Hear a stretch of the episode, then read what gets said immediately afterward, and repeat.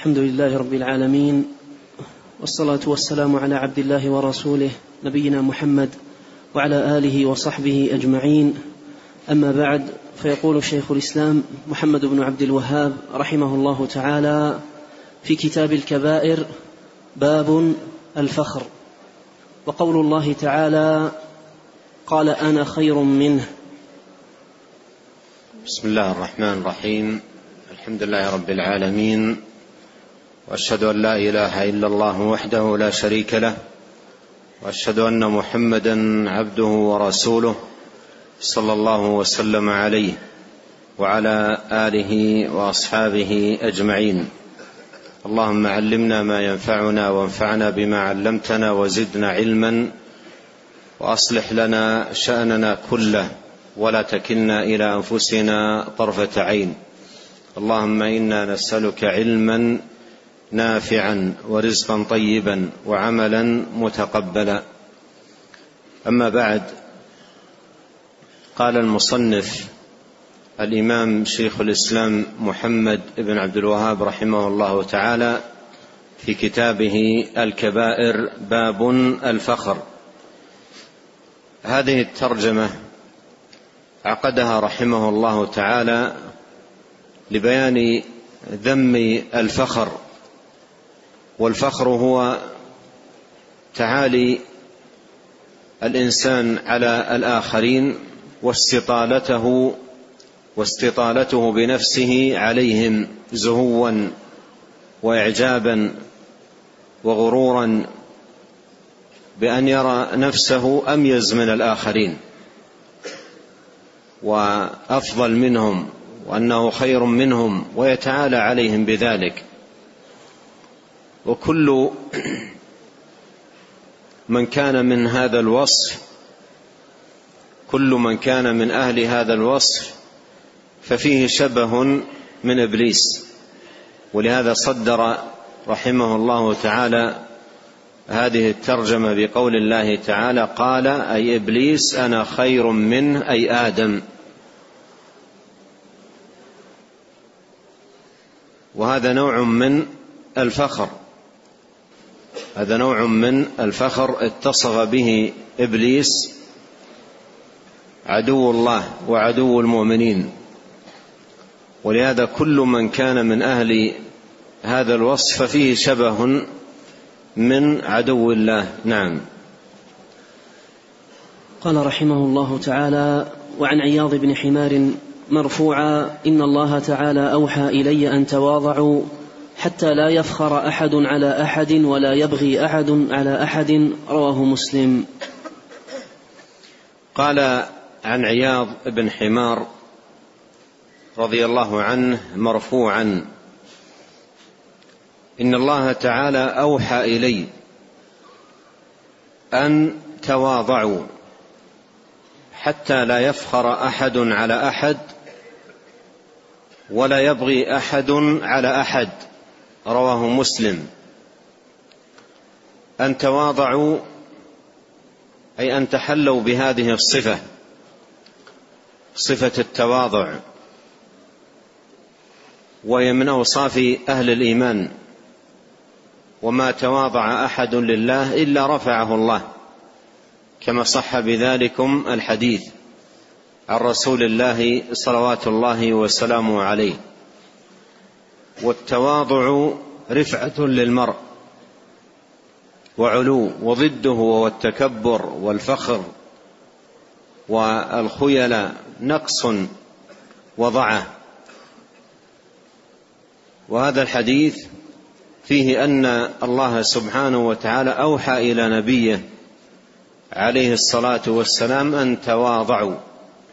وكان صلوات الله وسلامه عليه إمام المتواضعين وقدوتهم في كمال خلقه وجمال معاملته وطيب آدابه صلوات الله وسلامه عليه وحسن معاشرته. وقوله حتى لا يفخر أحد على أحد ولا يبغي أحد على أحد هذان وصفان مضادان للتواضع مباينان للتواضع لا يجتمعان معه الفخر والخيلاء. قال حتى لا يفخر أحد على أحد ولا يبغي أحد على أحد. فهما وصفان مضادان للتواضع مباينان له. وهذا فيه تحذير من نوعي الاستطالة على عباد الله لأن التواضع ترك للاستطالة لأن التواضع ترك للاستطالة على عباد الله. المتواضع متطامن لا يرفع نفسه أو يتعالى على الآخرين بل هو متطامن متواضع ليس فيه استطالة. ليس فيه استطالة على الآخرين. ولما أمر عليه الصلاة والسلام بالتواضع نهي عن هاتين الخصلتين المضادتين له وهما وجماعهما الاستطالة على عباد الله. وهذا يفيد أن الاستطالة على عباد الله نوعان. أن الاستطالة على عباد الله نوعان. استطالة بالفخر واستطالة بالبغي. استطالة بالفخر واستطالة بالبغي. ولهذا قال حتى لا يفخر. تواضعوا حتى لا يفخر أحد على أحد ولا يبغي أحد على أحد. فإذا الفخر استطالة والبغي استطالة وهما متنافيان مع التواضع والمسلم مطلوب منه أن يكون متواضعا مجانبا للفخر ومجانبا للبغي. وكل من الفخر والبغي استطالة. كل من الفخر والبغي استطالة. وذلك لأن المستطيل على الآخرين إن كانت استطالته بحق أي بأوصاف موجودة فيه كان يقول مثلا لغيره أنا أكثر أولادا منك أنا أكثر تجارة منك أنا عندي الحدائق والبساتين والسيارات وإلى آخر وهي عنده فعلا وهو أكثر فهذا يسمى فخر. الاستطالة إذا كانت بحق أي بأوصاف هي موجودة في الشخص فهذا يسمى فخر. وإن كانت استطالة بغير حق يمدح نفسه عند الآخرين بأوصاف ليست فيه. أنا أفضل منكم بكذا وهو ليس متصف بتلك الصفات فهذا يسمى بغي. ولهذا فالفخر والاستطالة كل منهما الفخر والبغي كل منهما استطالة على الآخرين. الفخر والبغي كل منهما استطالة على الآخرين وهما ينافيان التواضع. فإن كان استطال على الآخرين بحق فهذا فخر. وإن كان استطال عليهم بغير حق فهذا بغي.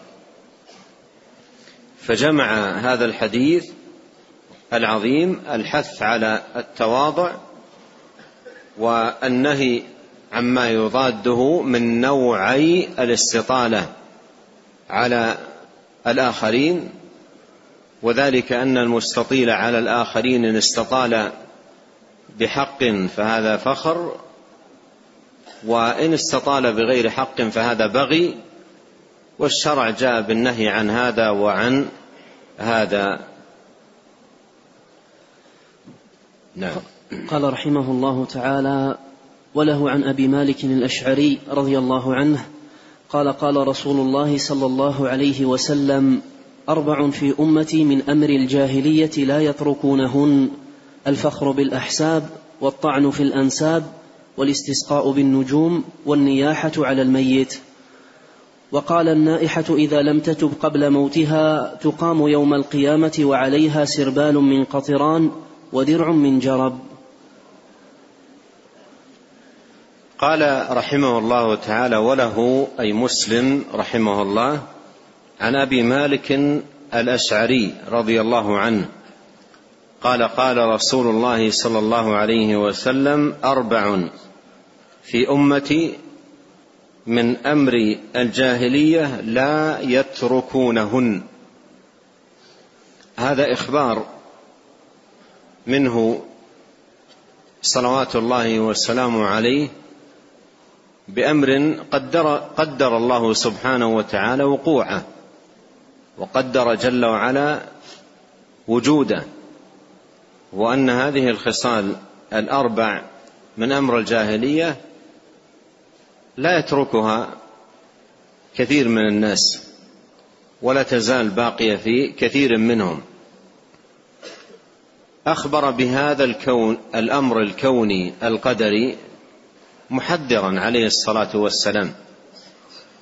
محذرا عليه الصلاة والسلام. وأن يدفع المرء عن نفسه أقدار الله بأقدار الله. فيسأل الله أن يعيذه من هذه الأوصاف ويجاهد نفسه على البعد عنها وعدم الوقوع فيها. فهي من خصال الجاهلية وأوصاف أهل الجاهلية يحذر منها صلوات الله والسلام عليه ويخبر أنها لا يزال وسيبقى لها وجود بين الناس يقول ذلك محذرا. مثل قوله في الحديث لتتبعن سنن من كان قبلكم شبرا شبرا ذراعا ذراعا حتى لو دخلوا جحر ضب لدخلتموه يخبر عن حال واقعة على وجه التحذير. وأن الواجب على المرء أن يحذر أشد الحذر من هذه الخصال التي أخبر النبي صلى الله عليه وسلم أنها باقية في الأمة وباقية في الناس. قال أربع في في أمتي. أربع في أمتي. والمراد بالأمة هنا أمة الإجابة. أن الأمة تطلق ويراد بها أمة الدعوة وهم من بعث فيهم صلوات الله وسلامه عليه وأمة الإجابة وهم من استجابوا له عليه الصلاة والسلام. فقوله فقوله هنا في امتي أي أمة الإجابة من أمر الجاهلية الجاهلية ما قبل الإسلام وقبل مبعث النبي عليه الصلاة والسلام حيث كان الناس في جاهلية جهلاء وضلالة عمياء. اجتمعت فيهم أنواع الجهالات والضلالات. لا يتركونهن هذا فيه بقاء هذه الأوصاف في الأمة. بقاء هذه الأوصاف في الأمة واخبر بذلك عليه الصلاة والسلام تحذيرا وانذارا.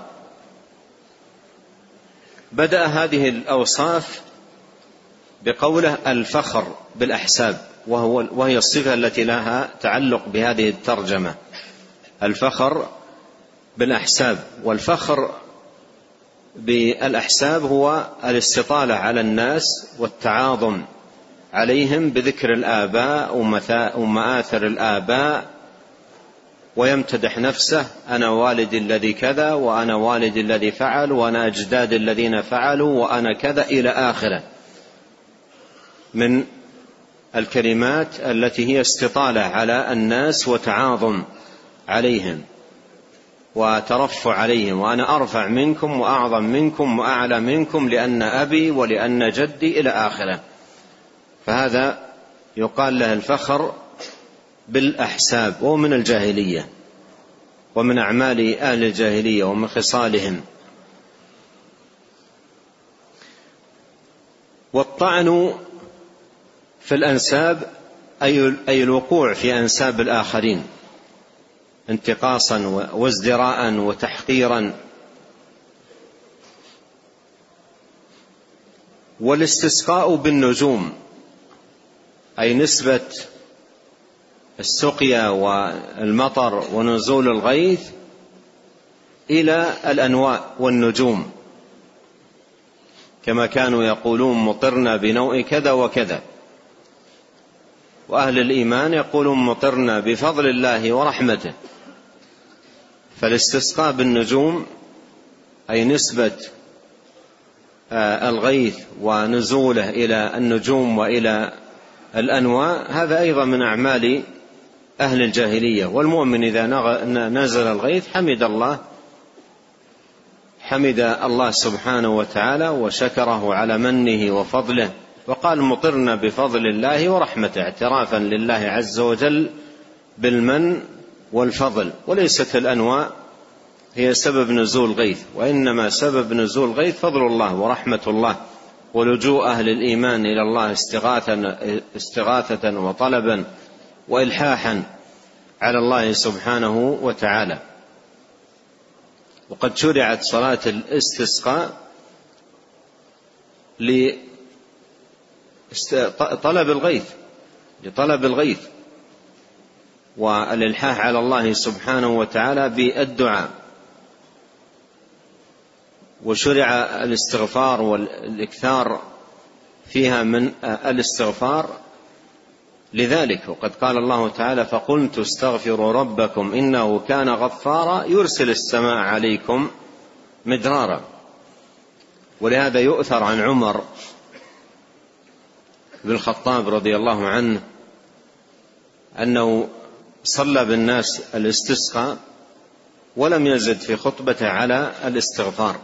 فقيل له في ذلك فقال لقد سألت الله بمجاديح السماء التي يستنزل بها المطر وهذه الكلمة قالها ردا على أهل الجاهلية في استسقائهم بالانواع لأن المجاديح جمع جمع مجدح وهو نوع من الانواع أو أو النجوم. فقال سألت الله بمجاديح السماء هم كانوا يقولون مطرنا بمجدح كذا. أي, أي نوع كذا أو نجم كذا فقال سألت الله بمجاديح السماء أي الاستغفار. مثل ذلك صنيع أبي هريرة رضي الله عنه كان إذا أصبح صبيحة ليلة ممطرة قال مطرنا بنوء الفتح. قال رضي الله عنه مطرنا نوء الفتح. ردا على أهل الجاهلية إشارة إلى قول الله ما يفتح الله للناس من رحمة فلا ممسك لها. أي أن هذه رحمة الله. فأهل الجاهلية كانوا يستسقون بالأنواء يستسقون بالأنواء فينسبون إليها نزول الغيث ونزول الأمطار وهذا كفر. بنعمة الله سبحانه وتعالى. قال والنياحة على الميت. والنياحة على الميت. والنياحة هي الندب ندب الميت بذكر مآثره وخصاله و وهي نوع من التسخط والاعتراض على قدر الله. نوع من التسخط والاعتراض على قدر الله وعدم الرضا بما قدر سبحانه وتعالى. وهي أيضا من الجاهلية لأن هذا الميت مات بأجله الذي قضاه الله وقدره. لا يستأخر عنه ساعة ولا يستقدم. فكان من طريقة أهل الجاهلية إذا مات ميتهم أخذوا في النياحة عليه. أخذوا في النياحة عليه. قال والنائحة خص النائحة في الذكر لا لكون الحكم مختصا بها وإنما لكون هذا الأمر يكثر في النساء لكثرة جزع النساء وقلة صبرهن ولهذا خصهن بالذكر. وإلا فإن الحكم يتناول الرجال. قال النائحة إذا لم تتب قبل موتها. وهذا فيه أن التوبة تجب ما قبلها وأن من تاب تاب الله عليه. قل يا عبادي الذين أسرفوا على أنفسهم لا تقنطوا من رحمة الله. إن الله يغفر الذنوب جميعا إنه هو الغفور الرحيم. قال النائحة إذا لم تتب قبل موتها تقام يوم القيامة وعليها سربال من قطران ودرع من جرب. السربال هو اللباس. عليها سربال أي لباس قميص أو نحوه من قطران. والقطران هو النحاس المذاب. ودرع من جرب أيضا لباس يغطي البدن من جرب والجرب آفة ومرض يضر البدن ويؤذيه أذى عظيما. فتقام يوم القيامة على هذه الصفة. تقام يوم القيامة على هذه الصفة عقوبة لها عقوبة لها. ولما حلت بها المصيبة لم تغطي هذه المصيبة بالتحلي بالصبر الذي أوجبه الله سبحانه وتعالى فغطيت بهذا اللباس سربال من قطران ودرع من جرب. نعم. قال رحمه الله تعالى وروى الترمذي وحسنه لينتهين أقوام يفتخرون بآبائهم الذين ماتوا وإنما هم فحم جهنم. أو ليكونن أهون على الله من الجعلان. إن الله أذهب عنكم عبية الجاهلية وفخ عبية الجاهلية وفخرها بالآباء. إنما هو مؤمن تقي أو فاجر شقي. الناس من آدم وآدم خلق من تراب. وعبية بتشديد الباء وكسرها الكبر والفخر. قال رحمه الله تعالى وروى الترمذي وحسنه لينتهين أقوام يفتخرون بآبائهم الذين ماتوا. يفتخرون بآبائهم الذين ماتوا أي ماتوا على الكفر بدلالة قوله إنما هم فحم جهنم. أي آباء هؤلاء إنما هم فحم جهنم. قال لينتهين أقوام يفتخرون بآبائهم الذين ماتوا. لينتهين هذا تحذير عليه الصلاة والسلام من ذلك وأمر بالكف عنه. وتحذير منه. لينتهين أقوام يفتخرون بآبائهم الذين ماتوا. إنما هم فحم جهنم. أو معطوف على قوله لينتهين ليكونن أهون على الله من الجعلان. ليكونن أهون على الله من الجعلان أو الجعلان. والجعلان ويقال له الجعل دويبة صغيرة سوداء اللون تشبه الخنفساء وليست هي الخنفساء. وهذه الدابة من حقارتها وخستها أنها تدهده الخرء بأنفها. تدهده الخرء بأنفها. وتأتي إلى الخرء أكرم الله الجميع وتجمعه وتجعله على شكل كرة ثم تدحرجه أمامها. ثم تدحرجه أمامها.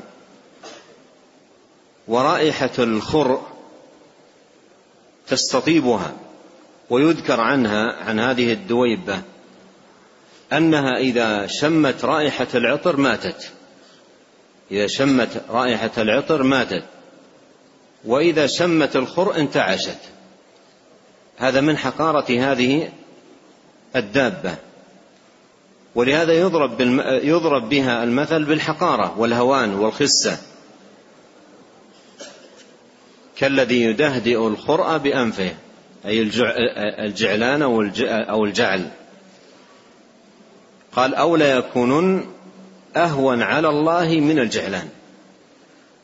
أهون على الله من الجعلان. والجعلان هذا يوجد في في البراري ومن شدة آه، تعلقه برائحة الخرق يذكر عنه أيضا في كتب الحيوان أنه إذا رأى إنسانا تبعه فإذا بات أخذ يرصده ينتظر متى يقوم ليقضي حاجته. ينتظر متى يقوم ليقضي حاجته فإذا قضى حاجته ومضى أتى إلى الخرء الذي هو بغيته. ولهذا يضرب به به المثل في الخسة والحقارة والهوان قال لا يكونون أهون على الله من الجعلان. لا يكونون أهون على الله من الجعلان. أي هذه الدابة الحقيرة التي بهذه الحقارة يكون هؤلاء أهون على الله من الجعلان. هذا مما يبين شناعة هذا الأمر. إن الله أذهب عنكم أي أمة الإسلام عبية الجاهلية والعبية هي الفخر افتخار أهل الجاهلية بآبائهم ومآثر الآباء وما إلى ذلك. أذهب الله عنكم عبية الجاهلية وفخرها بالآباء. هذا كله أذهبه الله بالإسلام. قال الله تعالى يا أيها الناس إنا خلقناكم من ذكر وأنثى وجعلناكم شعوبا وقبائل لتعارفوا إن أكرمكم عند الله أتقاكم. إن الله عليم خبير. فالإسلام أذهب عن الناس عبية أهل الجاهلية فخرهم بآبائهم وأحسابهم و أذهب الله ذلك وجاء الإسلام بأن الأكرم هو الأتقى الأكرم هو الأتقى أيا كان نسبه. فالأكرم عند الله هو الأتقى لله هو هو الأتقى لله سبحانه وتعالى. قال أذهب عنكم عبية أهل الجاهلية عبية الجاهلية وفخرها بالآباء إنما هو مؤمن تقي أو فاجر شقي. الناس من آدم وآدم خلق من تراب. الناس من آدم وآدم خلق من تراب. وهؤلاء إما مؤمن تقي أيا كان نسبه وفاجر شقي أيا كان نسبه. حتى لو لم يكن نسب من الأنساب آه، الشريفة الأنساب العالية فالناس مؤمن تقي أو فاجر شقي. وفي الحديث من بطأ به عمله لم يسرع به نسبه والله يقول فإذا نفخ في الصور فلا أنساب بينهم يومئذ ولا يتساءلون فمن ثقلت موازينه فأولئك هم المفلحون. ومن خفت موازينه فأولئك الذين خسروا أنفسهم في جهنم خالدون. نعم. قال رحمه الله تعالى باب الطعن في الأنساب. عن أبي هريرة رضي الله عنه مرفوعا اثنتان في الناس هما بهم كفر الطعن في الأنساب والنياحة على الميت. قال رحمه الله تعالى باب الطعن في الأنساب. الطعن في الأنساب أي الوقيعة في أنساب الناس ازدراء وانتقاصا واحتقارا. ولا يأتي هذا الطعن إلا من إصابة هذا الطعن بنوع من الفخر والاستطالة على الآخرين. ولهذا أتبع هذا الباب بالذي قبله الأول الفخر وهذا الطعن. فالطعن إنما يكون بوجود شيء من الفخر في هذا الطاعن في الآخرين استطالة عليهم وتعاظما. قال عن أبي هريرة رضي الله عنه مرفوعا إثنتان في الناس هما بهم كفر إثنتان أي وصفان وخصلتان وخلتان في الناس أي موجودة في الناس. وقوله هنا في الناس هو نظير قوله في الحديث المتقدم لا يتركونهن. فهذا فيه إشارة إلى بقاء هاتين الخصلتين في الناس. وهذه الإشارة إلى البقاء تتضمن التحذير من من هاتين الخصلتين. هما بهم كفر. وهذا كفر دون الكفر الأكبر الناقل من الملة أي أن هاتين الخصال الخصلتين من خصال الكفر ومن أعمال أهل الجاهلية وليست من أعمال أهل الإيمان. الطعن في الأنساب وهذا موضع الشاهد للترجمة أي الوقيعة فيها انتقاصا واحتقارا وازدراء والنياحة على الميت بالندب والبكاء والعد لمآثر الميت تسخطا وجزعا وعدم رضا بما قضاه الله سبحانه وتعالى وقدره. نعم. قال رحمه الله تعالى باب من ادعى نسبا ليس له ولهما عن سعد رضي الله عنه مرفوعا من ادعى إلى غير أبيه وهو يعلم أنه غير أبيه فالجنة عليه حرام. نعم. ولهما عن أبي هريرة رضي الله عنه مرفوعا لا ترغبوا عن آبائكم فمن رغب عن أبيه فهو كفر. ولهما عن علي رضي الله عنه مرفوعا من ادعى إلى غير أبيه أو انتمى إلى غير مواليه فعليه لعنة الله والملائكة والناس أجمعين لا يقبل الله منه يوم القيامة صرفا ولا عدلا. قال رحمه الله تعالى باب من ادعى نسبا ليس له. من ادعى نسبا ليس له أي انتسب إلى غير أبيه. انتسب إلى غير أبيه. وكان هذا الانتساب منه إلى غير أبيه عن علم منه بذلك متعمدا إلى نقل آه، انتسابه من أبيه إلى غير أبيه. فهذا فيه وعيد شديد جاءت به النصوص دالة على أن هذا الأمر من عظائم الذنوب وكبائر الآثام. لما يترتب عليه من شرور عظيمة وفساد عريض. قال عن سعد رضي الله عنه مرفوعا من ادعى إلى غير أبيه وهو يعلم أنه غير أبيه فالجنة عليه حرام. ادعى أي انتسب. ادعى إلى غير أبيه انتسب إلى غير أبيه. بقوله أنا فلان ابن فلان ويكون فلان هذا ليس والده. ويعلم أنه ليس والده قال فالجنة عليه حرام. فالجنة عليه حرام.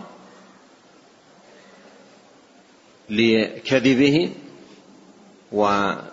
تنصله من نسبه ولما يترتب عليه على ذلك مفاسد مفاسد عظيمة.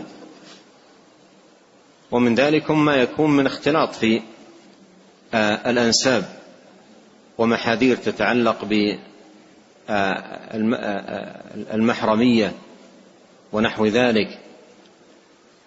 قال من ادعى إلى غير أبيه وهو يعلم أنه غير أبيه فالجنة عليه حرام وهذا وعيد. وحكمه حكم نصوص الوعيد الواردة في هذا الباب وهذه عقوبته عند الله سبحانه وتعالى. فالجنة عليه حرام. وهذا التهديد بذلك دال على أن هذا الأمر من الكبائر.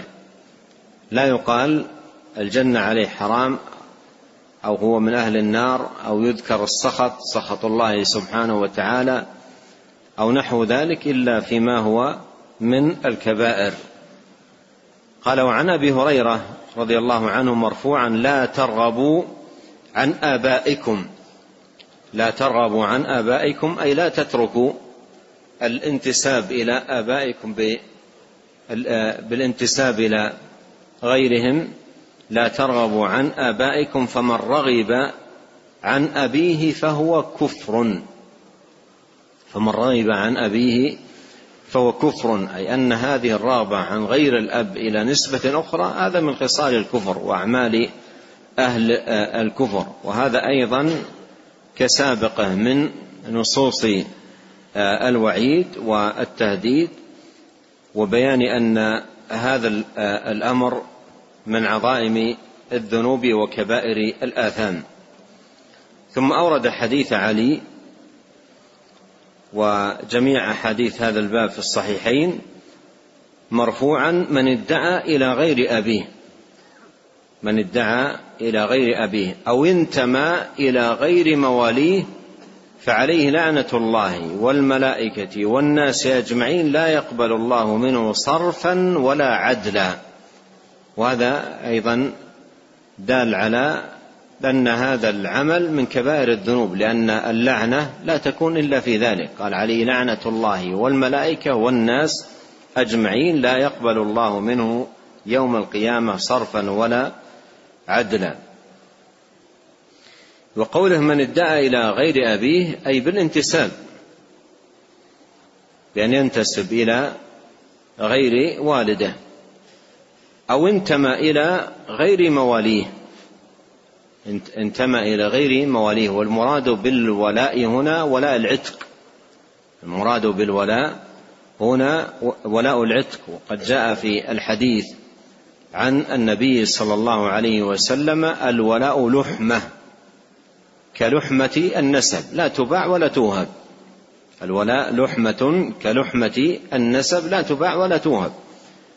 مثل ما أن نسب الإنسان لا يجوز له أن يغير أو أن يهبه أو أن ينقل نسبه إلى الآخرين فالولاء أيضا الذي هو ولاء العتق لحمة مثل لحمة النسب. ولهذا من انتمى إلى غير مواليه قال أنا مولى بني فلان وهو كاذب في في في في, في هذه النسبة فله هذا الوعيد لأن الولاء لحمة كلحمة النسب. نعم. قال رحمه الله تعالى باب من تبرأ من نسبه.